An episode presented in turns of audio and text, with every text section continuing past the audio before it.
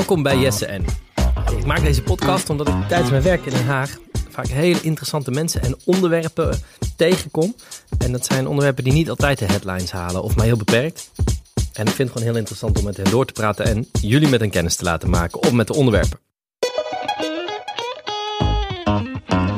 Vandaag praat ik met Arno Matschkic, uh, architecte.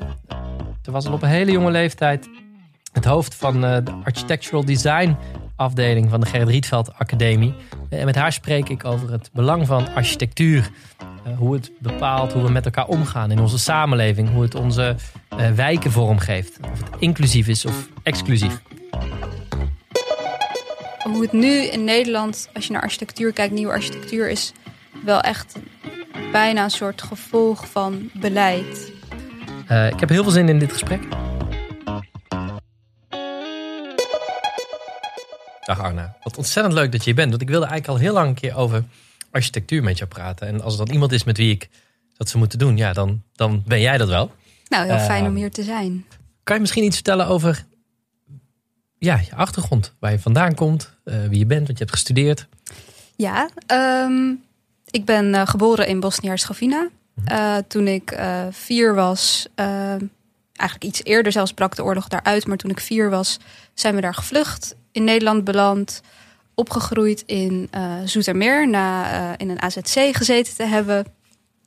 Um, toen ben ik op mijn zeventiende naar Amsterdam gegaan. Naar de Rietveld Academie om, ja, om architectuur, architectonisch ontwerp te studeren. Heb ik afgemaakt toen heb ik, uh, ben ik eigenlijk meteen gaan beginnen met werken bij, uh, bij een bureau, bij Rietveld Architecture. Um, voor, even kijken hoor, bij Raaf. Ik zit even te, waar het ook alweer voor staat. Rietveld Architecture Art Affordances. Um, daar heb ik zeven jaar gewerkt en tegelijkertijd studeerde ik aan de Academie van Bouwkunst. Eigenlijk een soort parttime opleiding waar je in de avonden naar de academie gaat en op vrijdag. Dus dat was ja. echt fulltime uh, architectuur.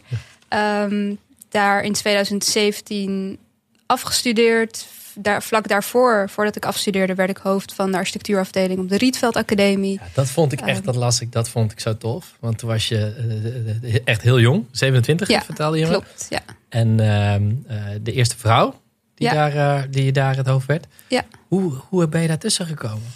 Um, omdat het voormalige hoofd had mij gevraagd om daar een lezing te geven. Um, gewoon puur over het werk wat ik deed. Mm -hmm. Um, en toen benaderde hij mij, omdat hij een PhD ging doen. Hij moest uh, tijdelijk afstand nemen van het hoofd zijn. Mm -hmm. uh, hij benaderde mij en hij vroeg mij: uh, wil, je, wil je mijn rol overnemen? Omdat ik toen ook net was gestopt met werken bij Raaf. En voor mezelf was begonnen samen met mijn studiopartner Lorien. dacht ik van, nou, dit is super mooi. Want ik heb eigenlijk altijd wel heel veel kritiek gehad op het onderwijs. en ja. op onderwijsprogramma's. Dus als je het zelf kan vormgeven. Dat is geweldig. Precies. Daar gaan we het zo dadelijk over hebben. Maar ik wil ja. niet, niet te snel naar, daar naartoe gaan. Ik wil nog heel even blijven bij de, de Arna van vier jaar. Mm -hmm. In Bosnië. in, ik heb veel over je gelezen. En, en iets wat, wat iedere keer terugkomt. Um, uh, is de brug in, in Mostar. Ja. Kan je daar iets over vertellen, over, over die brug? Ja. Het is, een, het is een brug al heel oud, de eerste beginselen, 16e eeuw geloof ik. Ja, precies. Ja, uh, dus die brug heet de Stari Most, wat letterlijk vertaald betekent oude brug. Ja, het is echt, maar, het is echt een prachtige rivier, heet de Neretva. Een beetje een groen-blauwige kleur. Ja. Heel koud, stroomt ook heel, heel hard. Um, en veel mensen die daar in de omgeving wonen en zijn opgegroeid, die leren daar ook zwemmen. Dus dat zijn ook echt hele goede uh, zwemmers, die echt in gevaarlijke wateren kunnen zwemmen. Um, en die oude brug, dat is echt een hele mooie Ottomaanse stijl um, boogbrug. en is eigenlijk uh, gebouwd voor brugwachters. Die vanaf die oude brug uh, vanuit een soort koepels ook konden kijken naar wie er dat gebied binnenkwam. Want er werd ook veel handel gedreven vanuit zeg maar, de Adri Adriatische kust richting de binnenlanden. Um, nou, die brug is, uh, zeg maar, de stad is vernoemd naar de brug. Okay. Dus je zou kunnen zeggen, de stad is de brug en de brug is de stad. het is een brug die ja, ook heel erg ja, soort identiteit is van de bewoners. Je hebt dus veel bewoners van Mostar uh, hebben een tatoeage van de oude brug. Of ze hebben, nou, Oh, net ja? als mijn ouders, uh, een, een mooie schilderij. En ik zelf ook heb verschillende objecten in mijn huis die, die de oude brug uh, symboliseren. Dus het is echt iets van, vormt echt een onderdeel van de identiteit van Want mensen. waar staat die brug voor? Ja, die brug die was, die is dus de verbinding tussen de oostelijke en de westelijke kant van de stad. Um, dus het is um, ja, letterlijk een verbinding tussen twee delen. Uh, maar Mostar was ook een stad waar de meeste gemengde huwelijken uh, waren. Daar, daar stond Mostar echt onbekend. Gemengde huwelijken in de zin van uh, Bosnische mensen met verschillende religieuze achtergronden. Um, en nou, dat is, dat is natuurlijk heel bijzonder. Ja, want Um, even, even het begrip even over, want dan komen we in een heel complexe situatie. Ja. Even iets over Bosnië vertellen. Hè? Want, Ja. want ehm, eh, kan je iets vertellen over die, de, de samenstelling daar en hoe dat ging voordat de oorlog daar begin jaren negentig eh, uitbrak? Want er zijn heel veel verschillende bevolkingsgroepen Precies. ehm, en, en mensen met verschillende religies. Ja. Hoe ziet dat eruit en hoe ging dat voor de oorlog uitbrak?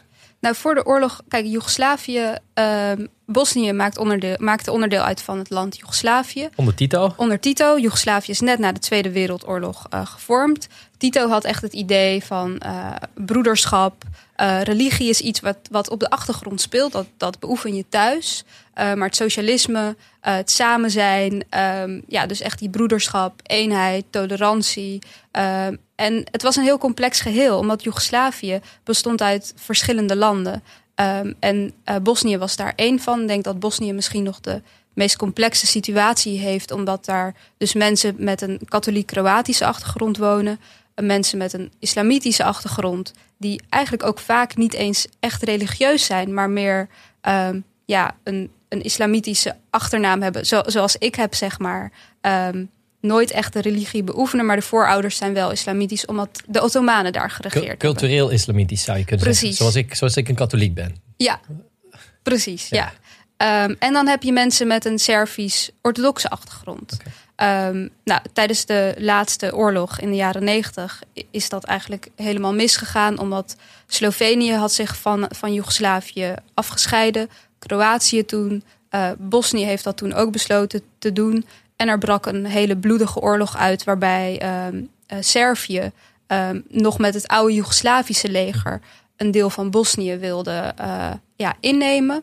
Um, en Kroatië aan de andere kant gesteund door de uh, toenmalige Kroatische president Tudjman... Wilde een deel van Bosnië ook innemen.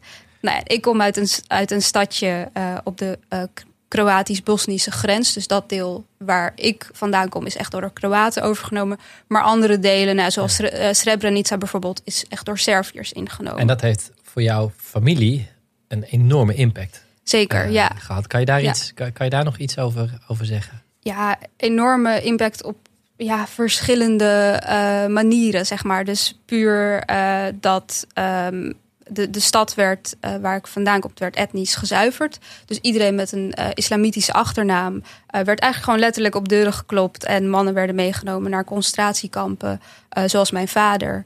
Um, toen was jij vier, hè? Toen, toen was ik vier, ja. Was jij daarbij toen, je, toen ze jouw vader kwamen ophalen? Ik, ja, mijn vader hebben ze, hebben ze buiten staande gehouden op het moment dat hij uh, paspoorten wilde gaan regelen voor ons.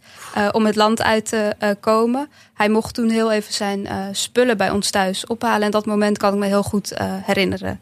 Ja. Je daar, wil je ons daarmee mee, mee naartoe nemen? Je zegt dat dat moment kan ja, herinneren. Ja, vind ik een beetje moeilijk om, Ja. om dat te doen. Maar want het is gewoon, het is heel pijnlijk. Uh, zeg maar het moment dat je, dat je ziet. Kijk, ik was natuurlijk heel jong, dus ik had niet, ik had helemaal geen besef van die grotere context. Ik wist natuurlijk wel, er is echt iets heel gruwelijks aan de hand. Ik, ik kan me ook heel goed herinneren dat er uh, uh, sirenes waren, omdat er bombardementen waren. Dus vluchten naar de schuilkelder.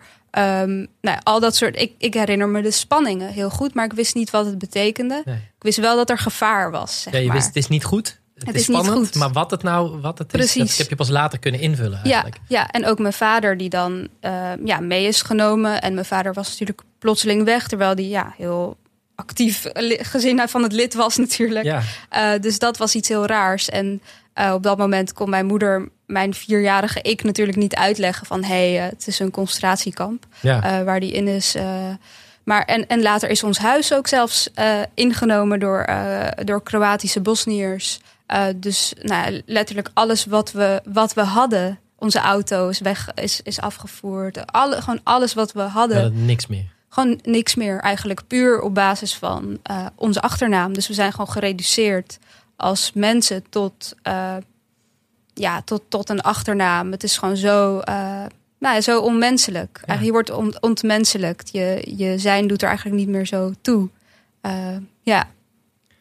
Het is onwijs heftig, want je kent, ik, ik, je kent deze verhalen. Um, uh, en je kent de verhalen eh, die je nu vertelt uit, uh, uit wat er in Joegoslavië, voormalig Joegoslavië is gebeurd. Je kent de verhalen uit, uit andere oorlogen, maar meestal spreek je met mensen die niet van dezelfde leeftijd zijn. Mm. Hè? Dus dat je, dit is iets waarvan je denkt, dit zijn oudere mensen die dit hebben meegemaakt. Ja, ja precies maar niet onze generatie. En hoe Nee. dichtbij dit is. En ook in Mm. afstand, hoe dichtbij dit in Europa Ja. gebeurt. Gaan we allemaal niet te lang bij stilstaan. Want we zitten hier voor je, voor je vak en je professie. Dus laten we die, die stap maken.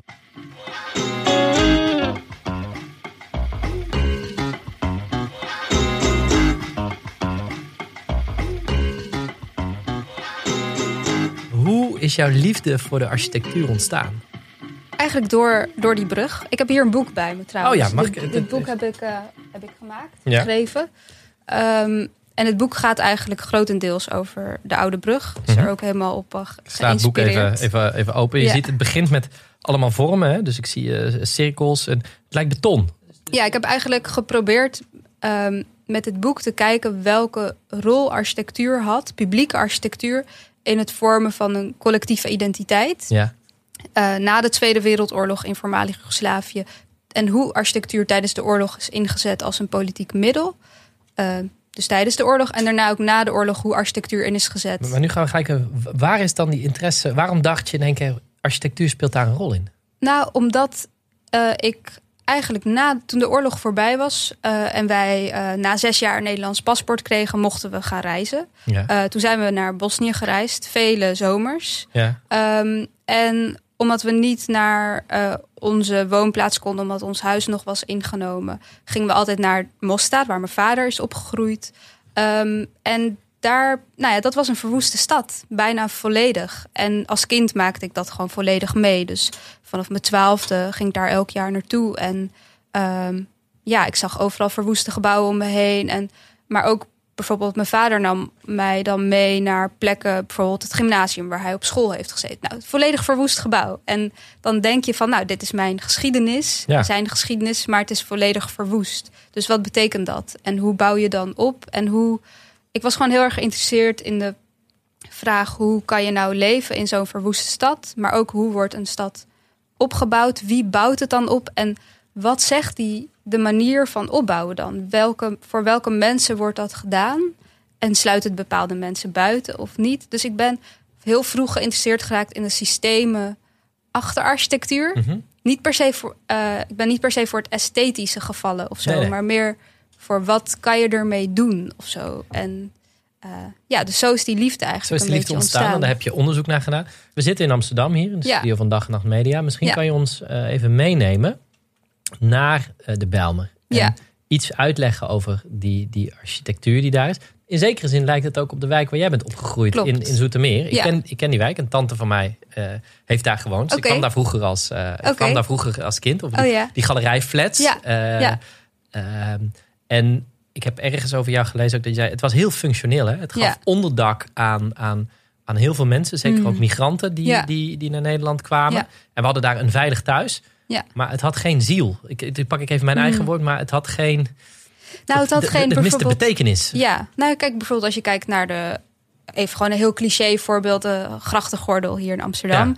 Eh, als je om, je om je heen kijkt, zie je heel veel verschillende verhalen erin. Verhalen van, ehm, van het handelen met andere landen. Je ziet het koloniaal verleden zie je erin terug. Je ziet ehm, ja, ook ja, veel rijkheid, maar ja, gewoon ook heel veel symboliek, zeg Ja. maar. Maar als je kijkt naar de galerijflats, eh, in bijvoorbeeld de Bijlmer of de, die wijk in Zoetermeer, zie je eigenlijk helemaal geen referentiepunten naar een soort geschiedenis of zo. Het lijkt gewoon heel erg, eh, ja, het is gewoon heel, bijna heel ab- abstract. En, ehm, maar het is niet per se, ik vind dat niet per se fout, want ik ben zelf gewoon heel goed opgegroeid in die wijk. Eh, Ja. En ik denk ook dat juist doordat het niet die referentiepunten had naar bepaalde geschiedenis en bepaalde verhalen, dat je ook je eigen uh, verhalen eraan toe kan voegen.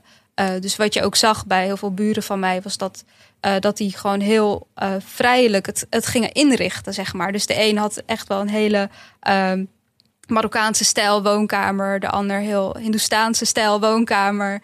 Um, dus iedereen ging het naar zijn eigen behoeftes en, en ja, culturele uitgangspunten um, invullen. Um, wat je in de grachtgordel misschien toch niet helemaal zo snel ziet. Mag ik denken, als, als ik denk aan, aan dat modernisme en die, en die wijken, volgens mij zijn het.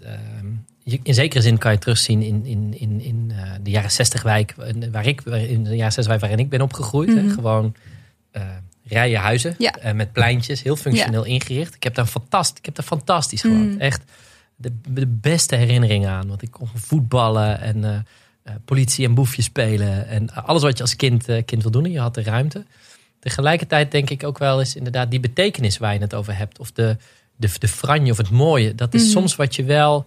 Dat is wel wat, wat, wat, wat, wat, wat schwung geeft aan, Ja. aan, een, uh, aan een plek. En als ik denk aan het modernisme... Dat begon, je had het over Corbusier, jaren 50 zitten we, zitten we dan. Ja. Dat begon natuurlijk wel bij het, bij het modernisme in, in, in Spanje. Met, met, uh, met Gaudi als, als, als een, denk ik als een van de, de voorlopers daarop. Die Mm.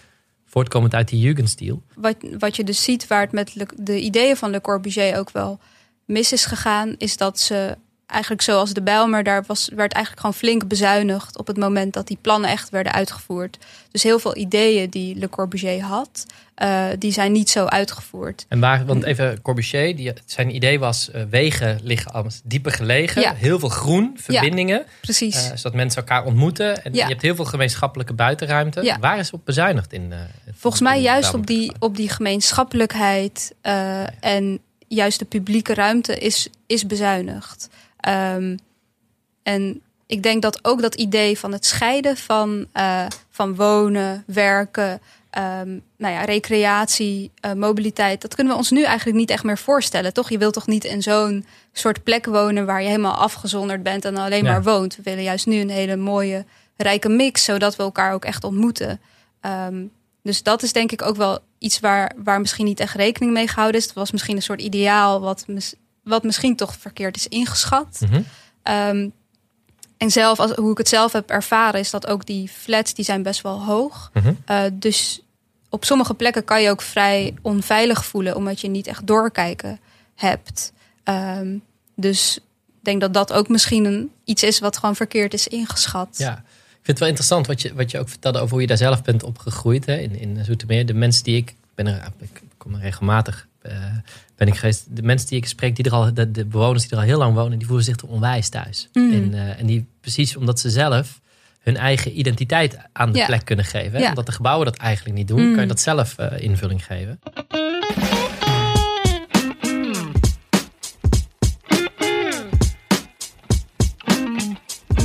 Als onderdeel van een collectief, Bosnian Girl, heb ik afgelopen zomer een tijdelijk uh, monument gemaakt uh, voor de Srebrenica-genocide um, op het plein. Uh, en het heeft er drie weken gestaan.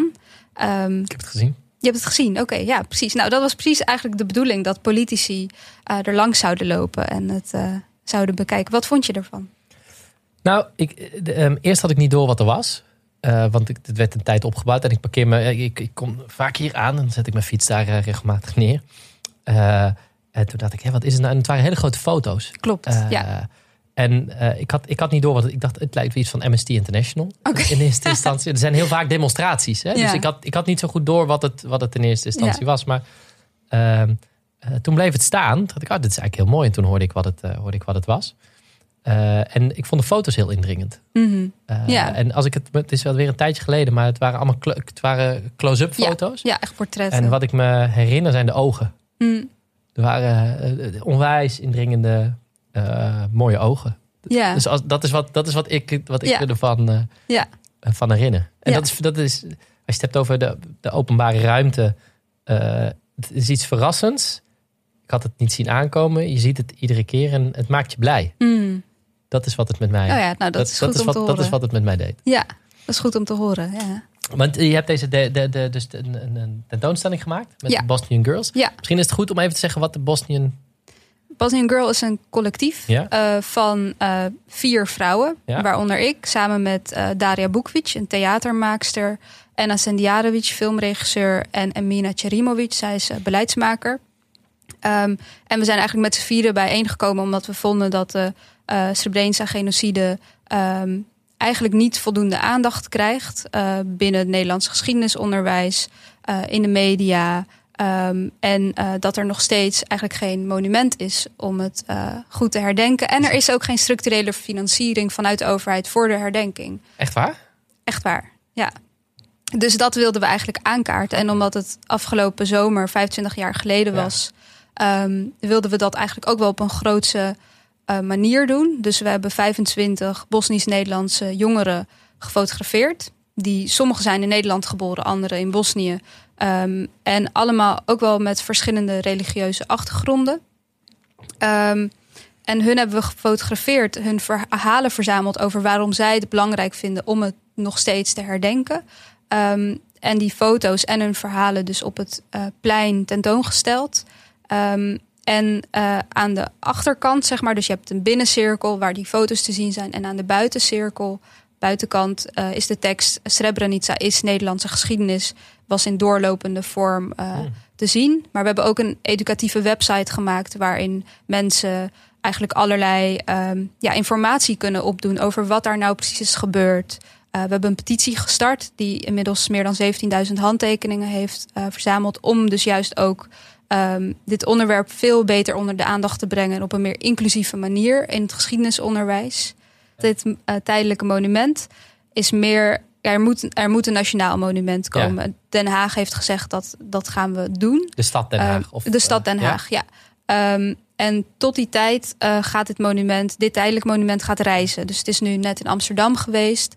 Straks gaat het naar het Kunstfort in Vijfhuizen. Ja. Waar ook die relatie met militaire geschiedenis natuurlijk is.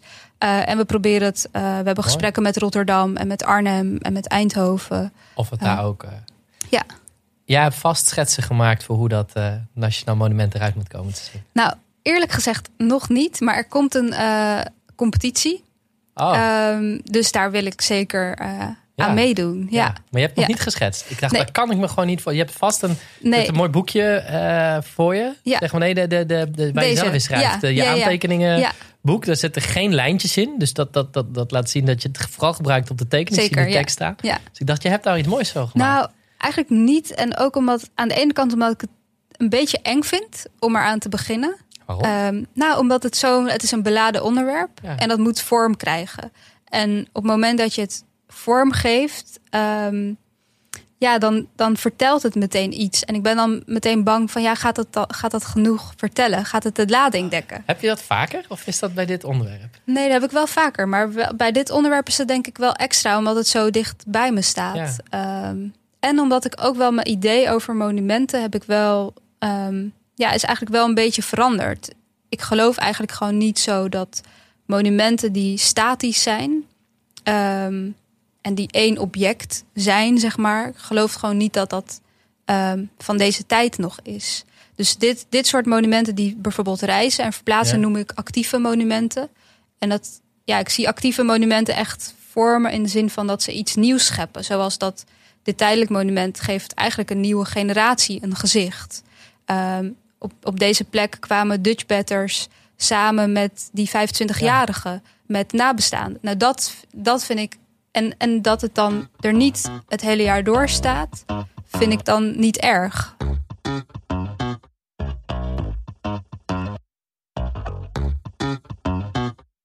We gaan even door Ja, met, met, met eh, eh, de inclusiviteit van de stad. Ja. Hè, waarbij je zegt, hoe zorg je ervoor? eh, Want zo gingen we terug naar, naar Mostar. Ja.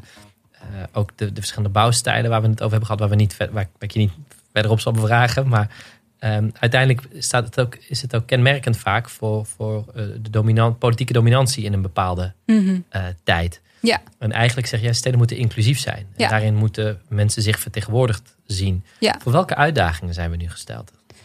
Ehm, en hoe kunnen Nederlandse steden, waar moet dat, hoe kan dat inclusiever, ook in de manier waarop we bouwen? Ja, nou, echt wel een enorme uitdaging. Ik denk dat wonen is een van de grootste uitdagingen.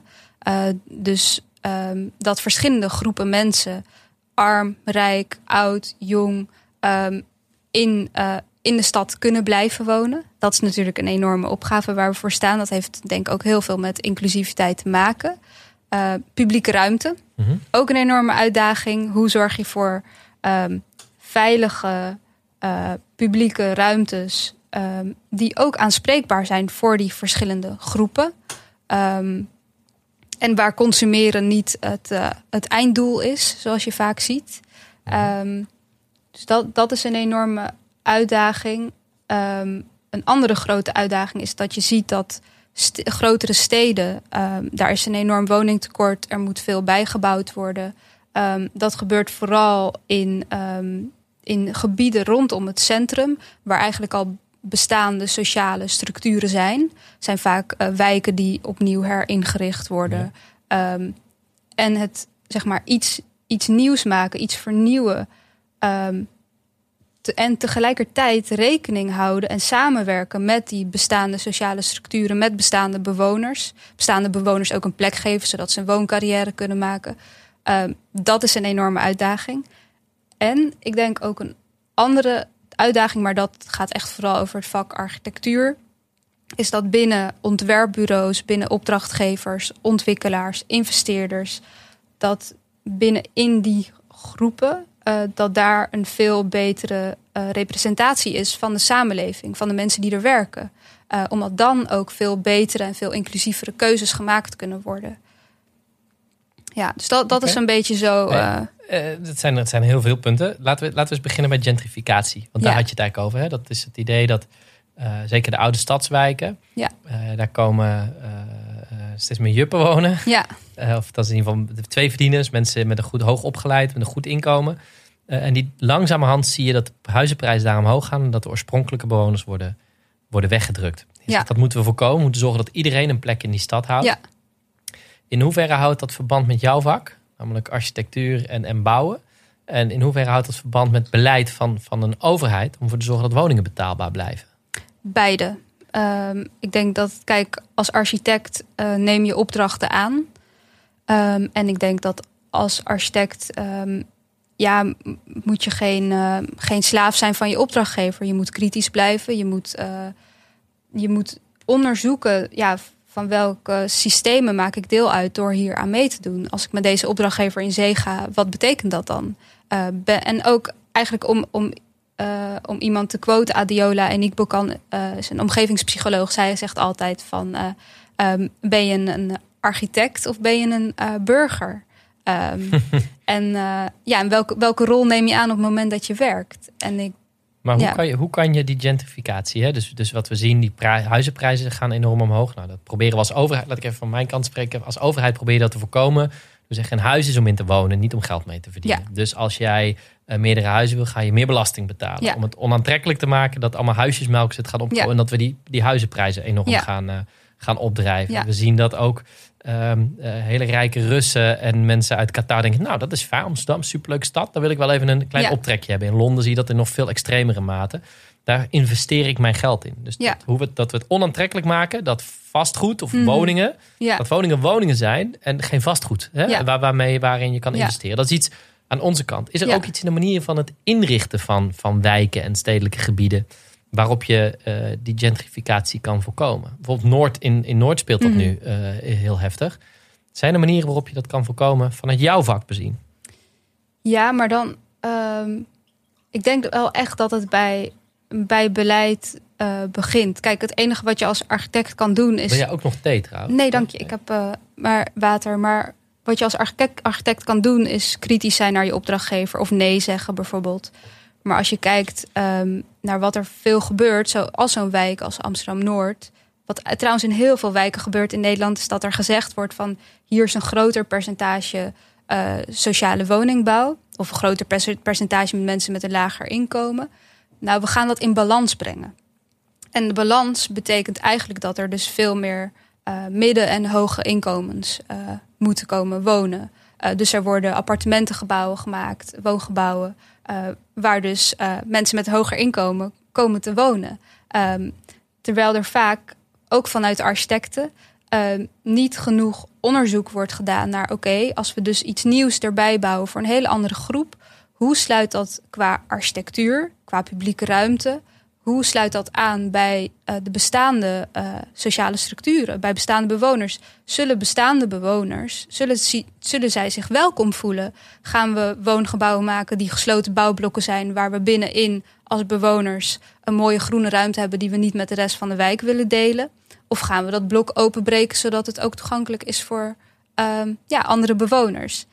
Dus dat, dat is een voorbeeld. Zeg je eigenlijk, dat er komen een soort van enclaves worden er vaak gebouwd in oude wijken. Bijna een soort gated communities. Gated communities die niet openstaan voor de rest van de wijk. En dan heb je van, van, van, van dat samenbrengen of het, het, het diversificeren van zo'n wijk, wat op zich niks niet verkeerd is. Uh, dat, dat lukt dan niet. Dan hou je, nog steeds, hou je nog steeds die gescheiden werelden. Ja. en het gaat ook heel erg. Het, gaat, zit in het ontwerp, maar het zit ook in het programma binnen het gebouw. Dus bijvoorbeeld de onderkant van de gebouwde plint is dan vaak een publiek programma, um, maar vaak commercieel. Dus het zijn dan cafeetjes of werkruimtes die ook heel erg er vaak heel erg um, ja, een soort van trendy uitzien, die vaak niet, niet zoveel te maken hebben met wat er in de wijk dan nodig is. Koffiebar waar je alleen maar met havermelk in je cappuccino kan krijgen. Precies. Om ja. even te chargeren. Ja, ja. ja. ja maar ook de, de namen van die plekken zijn vaak een beetje een soort van Engelstalige namen. Of de gebouwen zelf krijgen namen zoals de Haxton. Um, nou, heel vaak eng worden er een soort Amerikaanse namen gebruikt. In Rotterdam zie je bijvoorbeeld een trend dat heel erg wordt verwezen naar uh, New York, naar Brooklyn, naar, dus voor Brooklyn aan de Maas. Um, en dat soort, dat, dat is gewoon marketing. Um, Waarmee je een bepaalde doelgroep aanspreekt. Precies, ja. En er worden natuurlijk door architecten, die maken, dat heet renderings, eigenlijk een soort beelden, collages, die voorstellen hoe die, die verbeelden eigenlijk hoe die wijk of die mhm. plek eruit komt te zien. Daar zijn mensen op te zien. En de mensen die dan erin gefotoshopt worden, zijn eigenlijk ook altijd uh, ja, de witte, ja, beetje, ja, eigenlijk de, de juppen, witte, beetje hoog opgeleide, jonge mensen. Um, ja, die, die totaal ja, nee, niet zoveel te maken hebben met die bestaande buurt. Dus het zit eigenlijk heel impliciet in de hele wijze waarop zo'n buurt, uh, hoe je met die herstructurering, uh, herstructurering ja. omgaat. Um, uh, als je het hebt over de plint. Hè, ik, vind het heel leuk, want ik, ik, dat vind ik het leuk aan deze podcast. Je leert allerlei begrippen die ik niet mm. eerder kende. Bij een plint denk ik wat hier aan de muur zit. Ja. Wat jij bedoelt is de, de onderste laag van gebouwen. Precies. Daar zitten vaak de winkels in. Ja. Uh, en ik denk gelijk, ja, om, om überhaupt dit soort projecten rond te krijgen... Uh, om dat te financieren, mm. um, is, daar, daar, daar, zit, daar zit geld in. Ja. Dus, dus daar hebben, dat hebben ze nodig om zo'n project rond te krijgen, om ja. te kunnen bouwen. Ja. Dus zet je daar winkels in. En de mensen die, degene die het meeste voor kunnen betalen, zijn ook nog vaak ketens. Als je het hebt over commercialisering. Ja. Gewoon de, de, de ketens die, die we allemaal kennen. Ja. Uh, en jij zegt dat moeten ook publiek, publieke ruimte zijn. En het moet diverser zijn. Dus er moeten ook winkels in zitten die, die, die, waarin de verschillende doelgroepen zich, uh, zich herkennen. Ja dat, dat, dat, dat betekent fors ingrijpen in, in hoe de markt selecteert wie daar, uh, wie daar komt. Wie ja. is dat? Ik denk uh, zeker van de overheid, mm -hmm. van gemeentes, uh, verantwoordelijkheid van een projectontwikkelaar.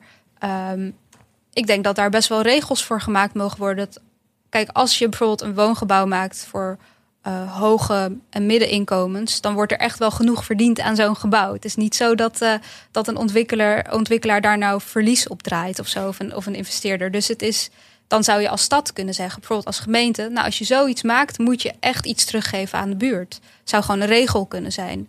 Uh, dus dan ga je onderzoeken wat, wat, welke behoeften zijn er dan in die buurt en wat kunnen we daadwerkelijk toevoegen.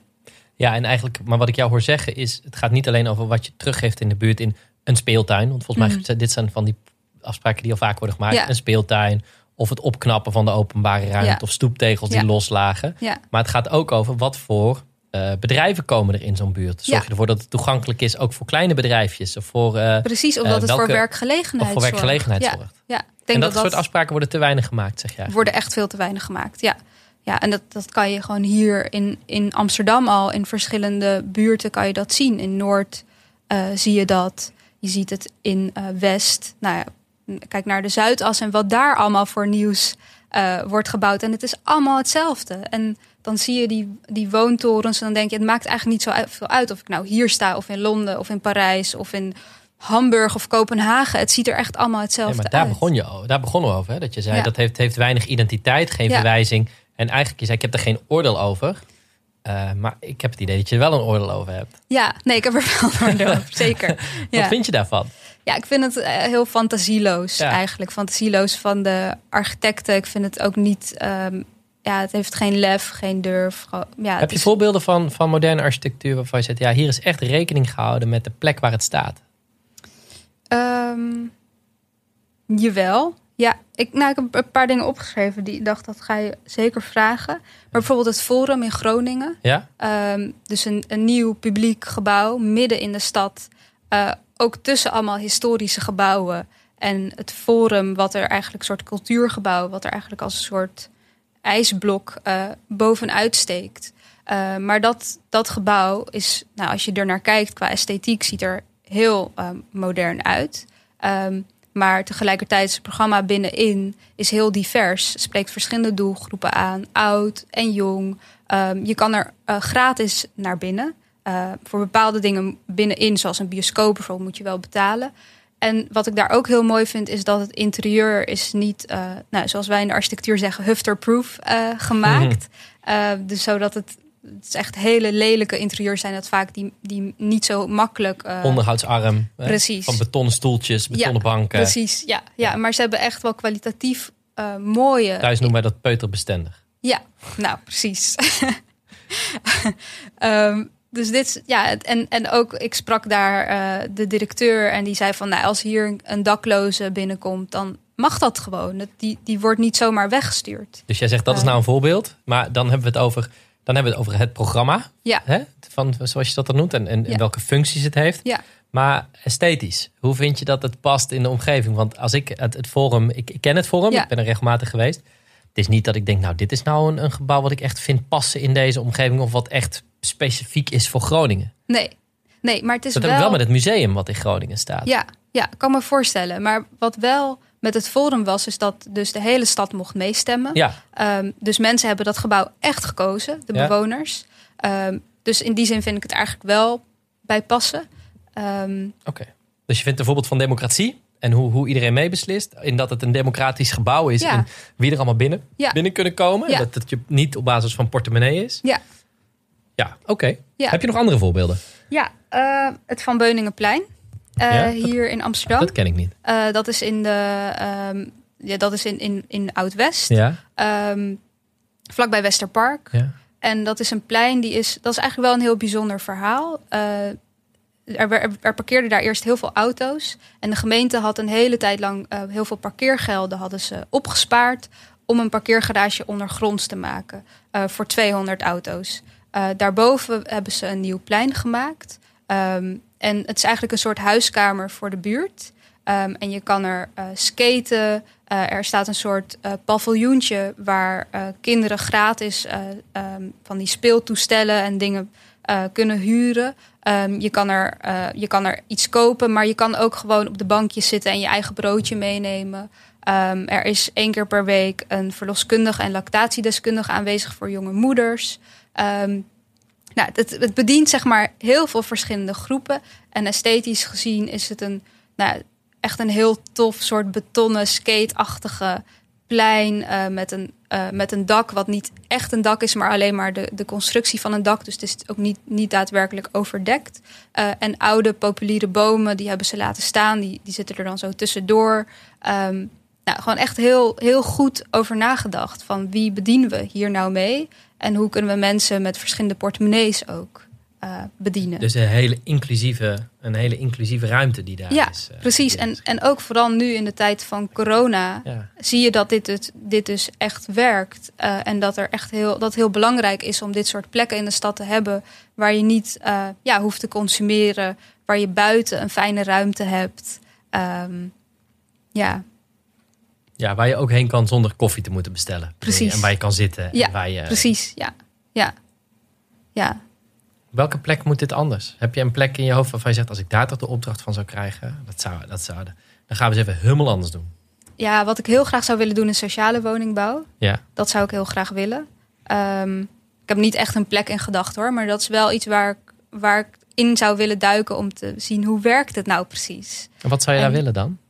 Nou, ik zou willen na, vooral nadenken over hoe kan je een hogere kwaliteit van eh, wonen eh, bereiken eh, dan wat er nu wordt bereikt. En dat is natuurlijk lastig. Dat heeft ook heel veel met beleid te maken, want corporaties, ja, die, die functioneren nu heel anders ehm, dan, nou ja, dan voor de crisis. Ehm, je hebt natuurlijk de verhuurdersheffing die Ja. nog steeds speelt. Dus er, het is gewoon heel moeilijk voor corporaties om eh, goede kwaliteit woningen te bouwen. eh, sociale woningbouw, terwijl dat gewoon wel echt heel erg nodig is in Nederland.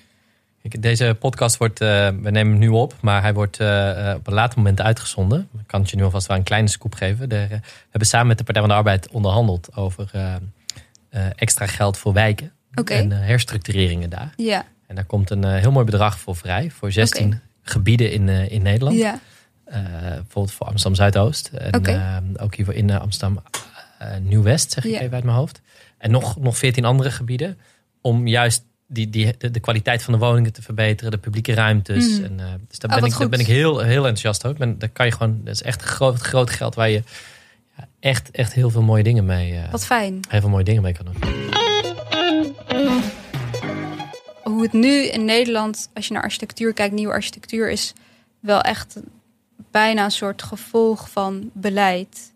Eh, ook esthetisch, hè? dus er wordt eh, er is een bepaald budget, er is een Ja. bepaalde stijl. eh, en nee, ik denk dat beleid heel veel invloed kan hebben op bijvoorbeeld dat zoiets wat jij net noemt kan ontstaan. Dat daar ruimte voor is. Ah, Ik zie je, ze willen gewoon voor een dubbeltje op de eerste rang zitten. Ja, Ik zeg heel vaak tegen mij, moet je je voorstellen dat de bestuurders dat toen het Rijksmuseum werd gebouwd, of het Centraal Station hier in deze stad, of het Vredespaleis. Ja. Als we toen hadden gekeken naar wat kunnen we dit binnen 16 jaar afschrijven, ja.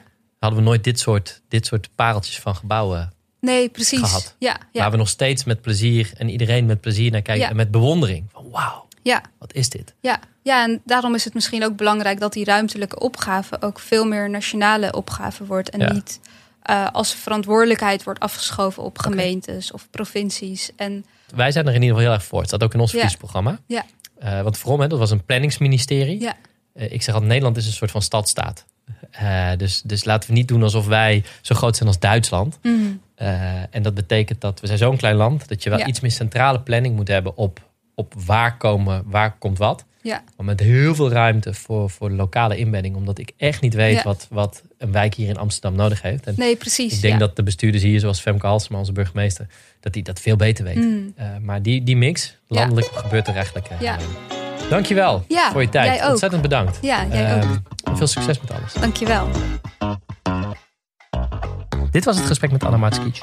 Ik vond het heel interessant in hoe zij vertelt hoe, hoe architectuur eigenlijk ehm, nou ja, bijna het kapitalisme dient. Eh, en dat het heel erg gericht is op, op consumeren, maar ook dat het juist vaak groepen eh, afsluit van elkaar in plaats van de samenleving openzet. En dat vraagt dus een hele actieve houding. Eh, zij had het over de verantwoordelijkheid van architecten, maar ook over de, de actieve houding en rol die een overheid moet innemen in het vormgeven van die openbare ruimte. Ik dank mijn gast, Anna Matskic. Ik dank Dag en Nacht Media voor de productie. Laat een reactie achter op iTunes en wil je de hele uitzending met beeld zien? Kijk dan op mijn YouTube-kanaal. Abonneer je op deze podcast in je favoriete podcast-app, zodat je geen enkele aflevering meer hoeft te missen. Dit was Jesse en tot de volgende.